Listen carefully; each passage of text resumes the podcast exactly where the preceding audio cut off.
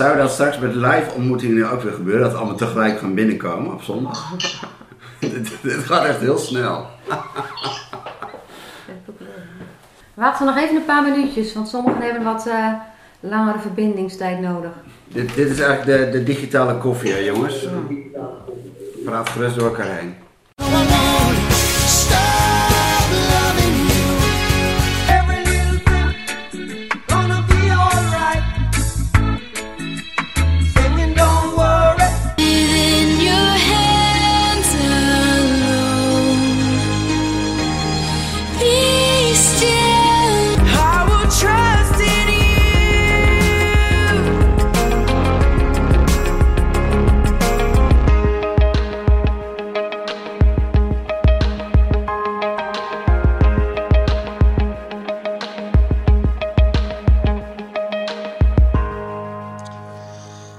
Nou, dat was een mooi en gezellig begin van eh, Dit Doet God. Van harte welkom. Fijn dat je luistert. Mijn naam is Klaas Quist. In Dit Doet God ga ik op zoek naar verhalen van wat God onder ons, gewone mensen zoals jij en ik, eh, doet. En vandaag ben ik in Amsterdam bij Remmelt en Alinke Meijer, die eh, samen de initiatiefnemers zijn van Hemelsbreed. Hemelsbreed is een, ja, je zou het een nieuwe kerkplek kunnen noemen in de Bijlmer. En ehm, nou, ik ga met Remmelt en Alinke in gesprek. En ik ben ook eh, te gast bij hen geweest in, eh, in hun proefzondag. En straks zal wel duidelijk worden waarom je die liederen eh, in het begin hoorde... die je misschien even in verwarring brachten. Van nou, wat heeft dit nou met God te maken?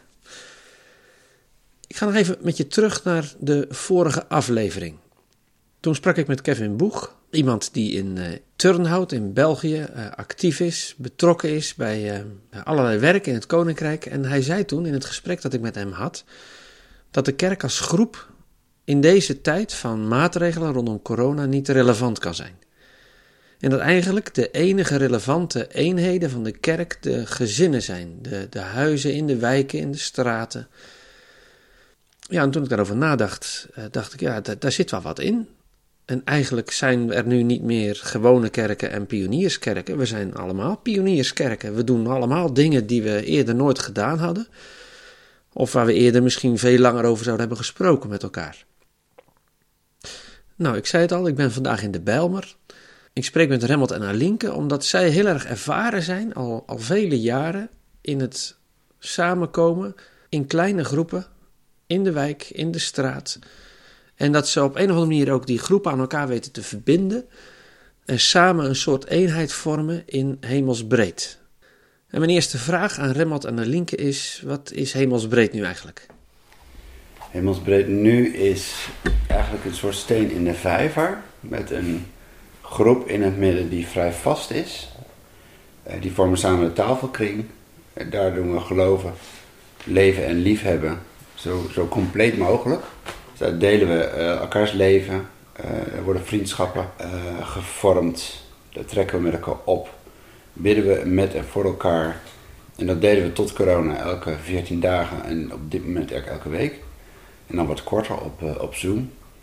Maar daar kom je bij elkaar thuis. Dus dat is eigenlijk de, de, de community vanuit de huizen.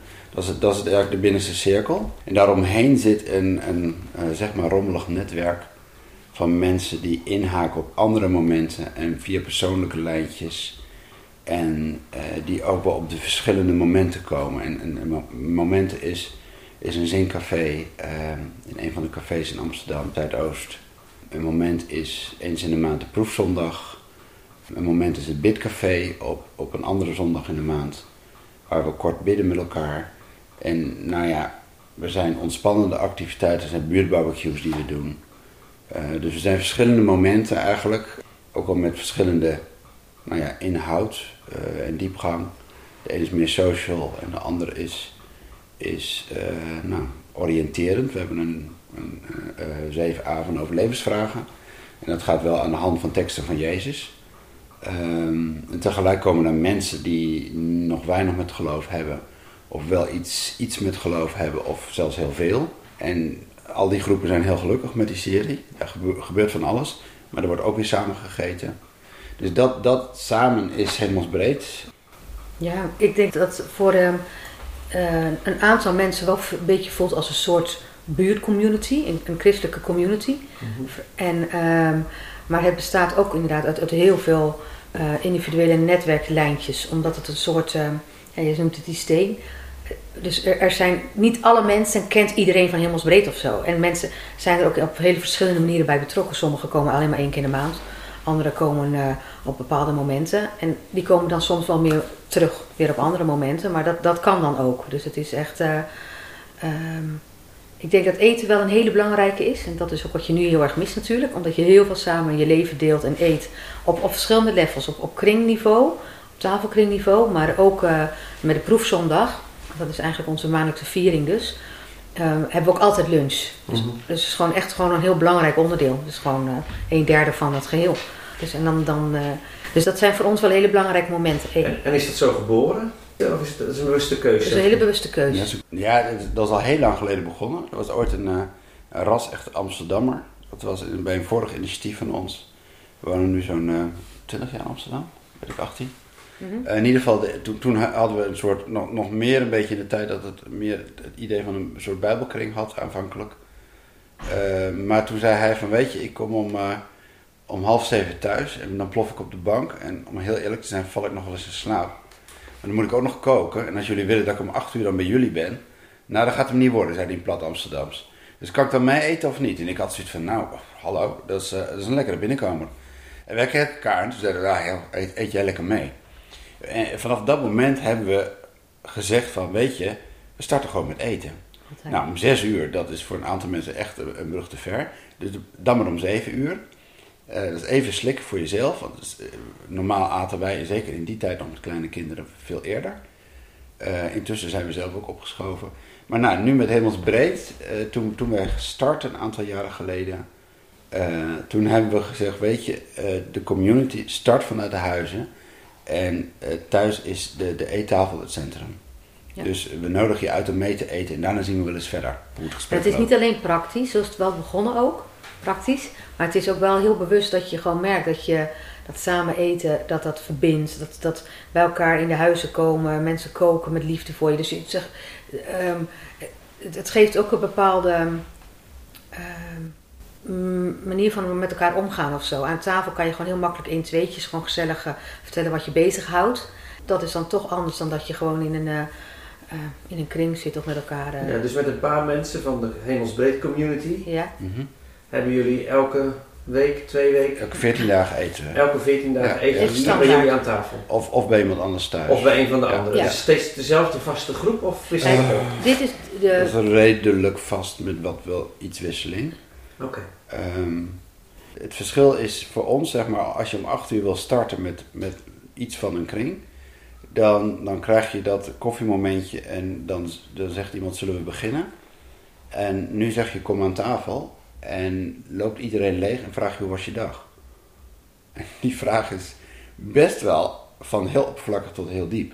Dus mensen delen letterlijk gewoon tijdens het eten hun leven.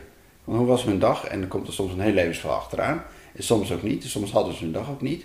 Dus je, je krijgt ook wat, je, wat, wat er zit op dat moment. Dus iemand eh, loopt op dit moment in, in een traject met, met eh, outplacement en weet ik wat. Ja, dat is een ander verhaal dan iemand die het heel erg druk heeft gehad. En in de jaren dat we dit zijn gaan doen, eh, zijn we de verhalen van Jezus anders gaan lezen. Dan blijkt dat hij nog wel eens aan tafel zat bij mensen. En dan blijkt dat dat ook een van de dingen is waar fariseeën zich heel erg aan gestoord hebben. En waar Jezus heel erg sterk op inzet. En dat is ook de cultuur van het Nieuw Testament, Oosterse cultuur geweest. Maar het is volgens mij ook nou, misschien wel de helft van de boodschap. Daar, daar gebeurt enorm veel. En het gekke was, vanaf dag één merkten we dat het werkte. Eh, daarna heb je een ander gesprek. Je moet nog steeds even schakelen dat je zegt na het eten: Oké, jongens, eh, borden van tafel, koffie, thee, eh, wat lekkers erbij. En waar, waar gaan we het nu over hebben? Dan moet je even schakelen. En dan blijf je aan tafel of ga Ja, verschil. Wij, wij gaan ook wel heel vaak hier zitten. We, eh, de, de, als we bij een ander zijn, eh, zitten we vaak wel weer aan de tafel, omdat die dat handiger vindt of geen grote zithoek heeft. We hebben toevallig nu sinds, sinds een paar jaar een grotere zithoek. Eh, dus het is net wat, wat lekker Mhm. zit. Nou, dat- dat- dat moment hebben wij heel, de- om de 14 dagen dan. Maar bijvoorbeeld die, die eh, cursus eh, Zeven Levensvragen beginnen we ook bewust om die reden zeven keer. Dus mensen committeren zich dan ook aan dat ze zeven keer met de maaltijd om zeven uur starten. En dat is dan zeg maar in, eh in In Hemelsbeek Café. Ja, precies. Ja. En, Ja. en dat is dus een hele andere groep. Dat is niet de groep die, die om de 14 dagen hier als tafelkring bij elkaar Ja. komt. En de zondagen, de proefzondagen, sluiten we dus af met uitgebreide lunch. Iedereen neemt ook eten mee. Dus dan is het niet als het ware een opwarmen aan het begin of zo. Maar dan heb je met elkaar dus een viering gehad. We beginnen wel altijd trouwens voor de viering met koffie en taart. Altijd. Elke, ma elke maand. Moet wel een feestje blijven, hè? Ja, dus, Toch? dus vooraf is het inloop met koffie en taart, cappuccino en alles. Dus iedereen wordt eerst lekker verwend. En dan hebben we dan de proefzondag en we sluiten af met de lunch die iedereen meegenomen heeft. Mm. En die is ook zo multiculti als het maar kan. Ja, Dus dat is ook wel gewoon... Ja. dat, dat- is van eh rotti tot eh, een tosti. Ja, Ja, alles. ja Alles. en, die, en de lunch wordt geopend met, met brood en wijn. Oh, Dus dat is de, de- eigenlijk, dat, het, dat blijkt, nou ja, dat, ik heb dat erg van Rico Voorberg eh, overgenomen met Pop-Up Kerk. Daar heb ik het zien functioneren. En dat ik dacht van, hé, hey, kan dit? nou, het kan dus echt. Eh, maar je eindigt de viering en zegt, jongens, weet je, we hebben van alles gedaan. Ga om de tafel staan, die staat dan ergens midden aan het café. Een tafel waar iedereen al van alles op gedropt heeft. En intussen staat er ergens ook nog een pannetje in de keuken te pruttelen met wat warms. Eh, en je gaat allemaal om die tafel staan als het einde van de viering. En je deelt brood en wijn met elkaar. Je, je, je zegt daar nog heel kort iets bij. En dan zeg je jongens, eet lekker. En dat is zo'n mooie overgang. Eh, dus het onderdeel dan van het eten Daar vindt een stukje inclusiviteit plaats. Eh, maar ook de overgang eigenlijk van de viering naar het leven. Eh, dus ja, geloof en leven loopt bijna door elkaar. Ja, dus het eten is een hele bewuste keus van jullie geweest. Ja. Wees, wees teruggaan naar de allereerste keer. Hè, je, je schetste van die man die zei, eh maar luisteren, het, het heeft voor mij alleen maar zin als we beginnen met eten, want anders dan red ik het überhaupt niet. Eh, wat was toen je gedachte? Zo van, oh help, dan komt er iemand in mijn huis. Ja, wat de kleine kinderen. Ja, ik- nou Of praktisch zo van, van hoezo, hoe, hoe, moet, hoe, eh, Hoe doe ik dit? ja, hoe doe ik dat? En, en dat is wel heel, heel erg druk en ehm, krijgen we dat voor elkaar. Maar eigenlijk, ehm, eigenlijk viel dat wel mee. Kinderen Toen voelen ik, het heel erg. ja, toen de kinderen piepklein waren, de jongste deel je dan naar bed voor zeven uur. En je, je pas je hem altijd gewoon een beetje aan. Doe je doet dan een overschoten die je erin kan doen, zodat je op het laatste moment gasten welkom eh, kan eten. Ehm, en kinderen groeien daar dan ook wel in mee. Want, want la- later zaten ze gewoon mee te eten. En dan tegen acht uur, dan gingen ze naar bed. Dus, dan, eh, dus je schuift daarin ook gewoon mee.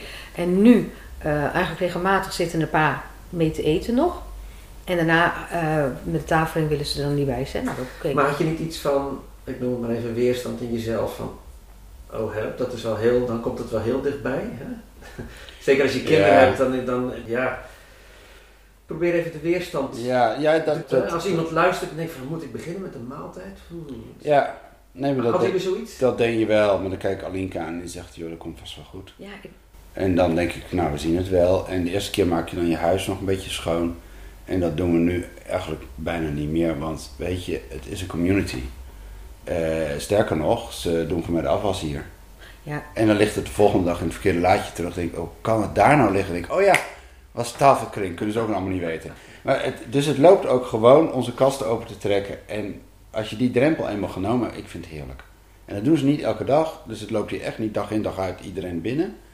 Eh, maar op zo'n moment, zo'n avond, eh, weet je, ik heb de omslag bij mezelf gemerkt. Eh, ik heb ook wel eens een slechte week of een slechte periode.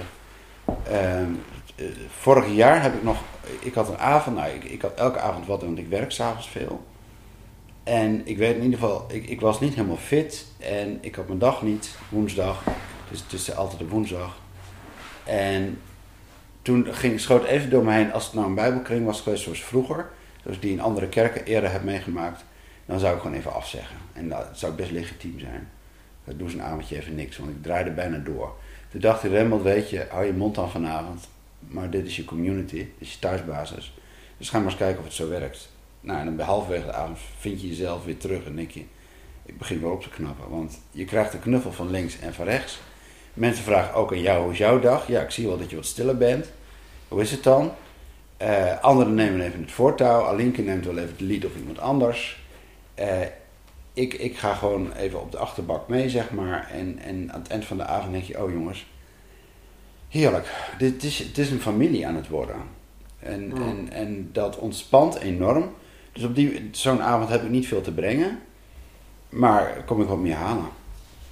En dat zit meer in het zijn dan dat ik denk, oh, vanavond gaat het over onderwerp X. Daar wil ik ook wel dan alles over weten. Ik moet voorstudie doen. Het, het is veel meer het zijn komt op de voorgrond. En daar ontstaan enorm goede gesprekken. En soms ook niet. Dan lukt dat even niet. Dan denk je, nou, dat was niet zo'n geweldig gesprek. We lachen het aan. Dat evalueren altijd wel. eh, want we proberen die gesprekken zo goed mogelijk te laten voeren.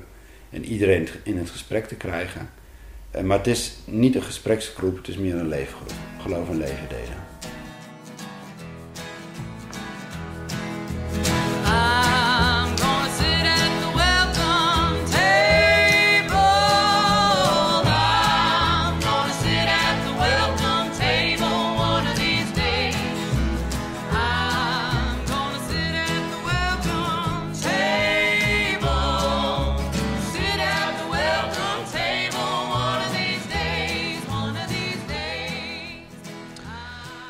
Tafelkring die een, familiekring wordt. Eh, eten dat een centrale plaats heeft. Eh, echte ontmoeting. en mensen die, die echt deelnemen. Eh, dat is wat Remmelt en uh, Alinke beschrijven in het gesprek dat ik met ze had. En daar heb ik iets ook van gezien in die, in die morgen. Voordat ik met Remmelt en Alinke in gesprek ging, hadden ze hun proefzondag. En eh, normaal gesproken hebben ze een proefzondag gewoon ergens in een of ander café in de Bijlmer. Dat kan natuurlijk nu niet, eh, maar ze hebben nu gewoon een proefzondag via beeldbellen. Deze zondag gaat het over vertrouwen. En ze hadden van tevoren aan de, aan de community van Hemelsbreed gevraagd: we gaan het eh, in de proefzondag over vertrouwen hebben. Laat ons eens weten, wat, wat roept dat bij je op? Waar, waar denk je dan aan? En zo brengt Alinke op een gegeven moment gewoon een van de deelnemers, die er, eh, die er niet bij kan zijn, in. Die gezegd heeft: van ja, als ik aan vertrouwen denk, dan, eh, dan denk ik aan een lied van, eh, van Phil Collins. En dat lied ehm, heet Can't Stop Loving You. Het is een heel lang nummer, maar met name dat refrein Can't Stop Loving You. Voor mij is dat God. Ehm, God kan gewoon niet stoppen om van mij te houden. Hij kan niet stoppen mij vast te houden. En dat is voor mij gewoon eigenlijk vertrouwen. Die Phil Collins heeft dat misschien helemaal niet meer bedoeld, maar dit is wel een hele mooie, mooie refrein. En ik denk eh, gaaf om eventjes met elkaar te delen. Dus Phil Collins, Can't Stop Loving You. En Remmel probeert het beeld zo te delen met jullie, zodat jullie het allemaal kunnen zien.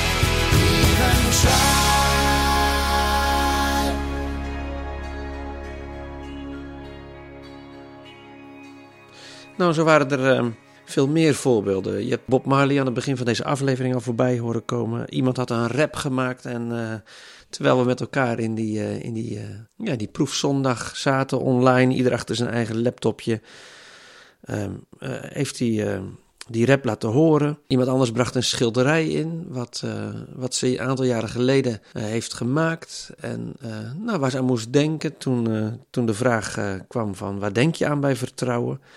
Als je wilt weten hoe het schilderij eruit ziet, dan eh, moet je maar even naar de website gaan van Dit Doet God. Daar staat de link naar het eh, schilderij opgenomen. Dan kun je het ook zelf bekijken als je dat wilt. En zo krijg ik een beeld op die zondagmorgen van eh, ja, hoe een proefzondag eruit ziet. Ook al is het nu digitaal en online. En het is inderdaad gewoon het leven en het geloof met elkaar delen. Nou, er is ook wat ehm, input, wil ik het maar even zeggen, vanuit eh, ehm, de leiders van, ehm, van Hemelsbreed. Eh, een tweeluik was er. Eh, een van de deelnemers had een bijdrage van een, van een paar minuten. En ook Remmelt sprak zelf en deelde eh, met de groep wat vertrouwen met hem doet en wat de Bijbel daarover zegt. Ik laat het je maar gewoon horen. Ik vroeg me af of het bij ons eigenlijk zoveel anders gaat. En dan denk je bijvoorbeeld, je ziet iets eh, wat precies is wat je nodig hebt. Maar op het moment dat het gebeurt, denk je, nee, dat wordt hem niet. Of, wat moet ik ermee? Wat is dit? Ehm, ik had dat toen we destijds gebeld werden door de woningbouw. We zochten een huis, waren ingeschreven. Maar ineens kwam dat telefoontje dat we in de E-buurt een, eh, een kavel hadden en ingelood waren. Ehm, ik kon daar op dat moment even helemaal niks mee. Achteraf is het het huis dat ik had kunnen uitzoeken. Maar op dat moment wist ik niet wat ik ermee moest. Het telefoontje kwam out of the blue. En zoiets gebeurt er ook met dat manna. De eerste keer dat het naar beneden komt, roept iedereen manna. Dat is Hebreeuws gewoon voor, wat is dat? En vanaf die dag hebben ze, wat is dat gegeten? Tot was dat hun neus uitkwam, zeg maar. Hele generaties eh, groeiden er elke dag mee op. Even de fast forward knop indrukken. 40 jaar later, op een dag is dit manna voorbij en hebben ze een bestemming bereikt. En dan ineens is het net alsof je iets ontdekt wat je voor die tijd niet zo scherp hebt gezien, al die jaren. Ineens kan je namelijk terugkijken. Zit je daar met je kinderen aan een rijk gevulde Oosterse maaltijd, goed gekruid. En daar zitten ze. En het gesprek komt over het manna, weet je nog? En je ziet ineens een rode draad van de moeilijkste tijd van je leven. En je ontdekt een soort levenslijn die jou en je kinderen, je kleinkinderen daardoor heen gesleept hebben. Elke dag opnieuw, jaar in, jaar uit.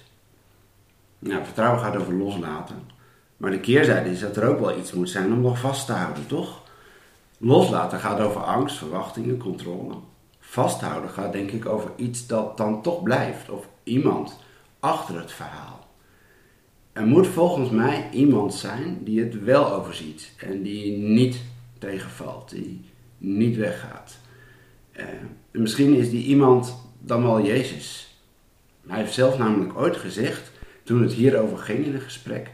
Manna was het brood uit de hemel dat God gaf. Maar God geeft nu iets wat voor je staat. Dat ben ik. Ik ben het echte brood. En dat maakt voor mij het verhaal eigenlijk nog wel spannender. Als het gaat over vertrouwen. Je kunt volgens mij nooit op iets vertrouwen. Op dingen. Uiteindelijk heb je iemand nodig, een persoon. En dat gaat verder, zeg maar, dan omstandigheden. Hoe lastig het dan nog steeds is. En ik kan me ook wel voorstellen dat je zegt, ja oké, maar hm, heb ik ooit geprobeerd. eh, vertrouwen op iemand en op God, misschien zelfs. Maar dat viel ook wel tegen. En wat moet je dan? Of, ja maar ik heb niet zo heel veel met God. Of misschien nog wel met God, maar niet met Jezus. Hm. Nou, misschien is dat om zo meteen eens even over door te praten. Voor mij kan nog even dit. Dat mannenverhaal is, is niet heel rooskleurig als je het gaat uitpluizen. Ik heb dat heel even zitten doen. Maar als je terugkijkt, bijvoorbeeld na 40 jaar, en, en je ziet achter de omstandigheden ineens toch iets, iemand, iets groters dat je er doorheen gesleept heeft, is dat wel volgens mij wat we eigenlijk, ja, ik, ik verlang dat zeg maar, en ik denk meer mensen met mij, dat er iemand is die trouw is. Vertrouwen gaat ook over trouw. Iemand die trouw is, dus gaat het over vasthouden, of misschien nog wel beter, over vastgehouden worden. Nou, mijn vraag aan jullie is, als je nou terugkijkt naar bijvoorbeeld een, een taaie periode in je leven, eh, een lastige tijd, is er dan iets geweest wat jou daar doorheen gesleept heeft? Wat was dat bijvoorbeeld? En hoe zou je dat nu benoemen? Hoe kijk je daarna? Dat is de eerste vraag, zometeen voor de groep, groepsgesprek. En de tweede vraag is, wat heb je dan nu nodig om ehm, in de coronacrisis te blijven vertrouwen door alles heen? En als je God daarin zoekt, wat, heb je, wat helpt jou om nou, God te vertrouwen bij alles wat er gebeurt? En zo gaan de, de groepjes uiteen om een minuut of tien met elkaar in, eh, in deelsessies. Dat kan online ook heel makkelijk eh, tegenwoordig. eh, gewoon door te spreken over de vragen die Remmelt heeft, heeft ingebracht. En ik, ik ben daar getuige van. Ik mag mee luisteren. En ja, dat gaat ook echt heel diep. Er is veel ontmoeting. Er wordt veel gedeeld.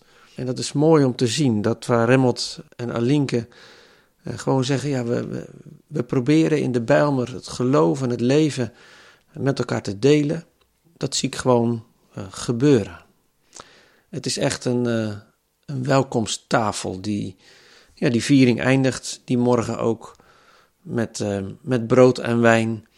En vervolgens groeten ze elkaar en wensen ze elkaar een fijne maaltijd, die ieder dan voor deze keer in zijn eigen huis eh, heeft. Hemelsbreed in de Bijlmer, dat is geloven, leven eh, en elkaar liefhebben. In deze aflevering van Dit Doet God ben je gewoon even getuige geweest van hoe Remmelt en Alinke dat met elkaar doen. Ik kwam een lied tegen, The Welcome Table. Je moet er een beetje van houden, maar het is eh, Southern Gospel, een beetje bluegrass, eh, country western-achtige muziek, maar waar prachtig beschreven wordt dat er een tafel is waar je welkom bent. Nou, dat is eigenlijk hemelsbreed ook. Er wordt veel gegeten, dat is een belangrijk onderdeel van, eh, van hun, eh, hun met elkaar optrekken. Samen eten, het leven delen, het geloof delen. In de volgende aflevering ga ik nog met uh, Remmelt en Alinke verder in gesprek. En dan spreek ik vooral over ja, hoe bouw je nu zo aan een gemeenschap. Bedankt voor het luisteren en tot de volgende aflevering, waarin ik eh, dus opnieuw in gesprek ga met Remmelt en Alinke.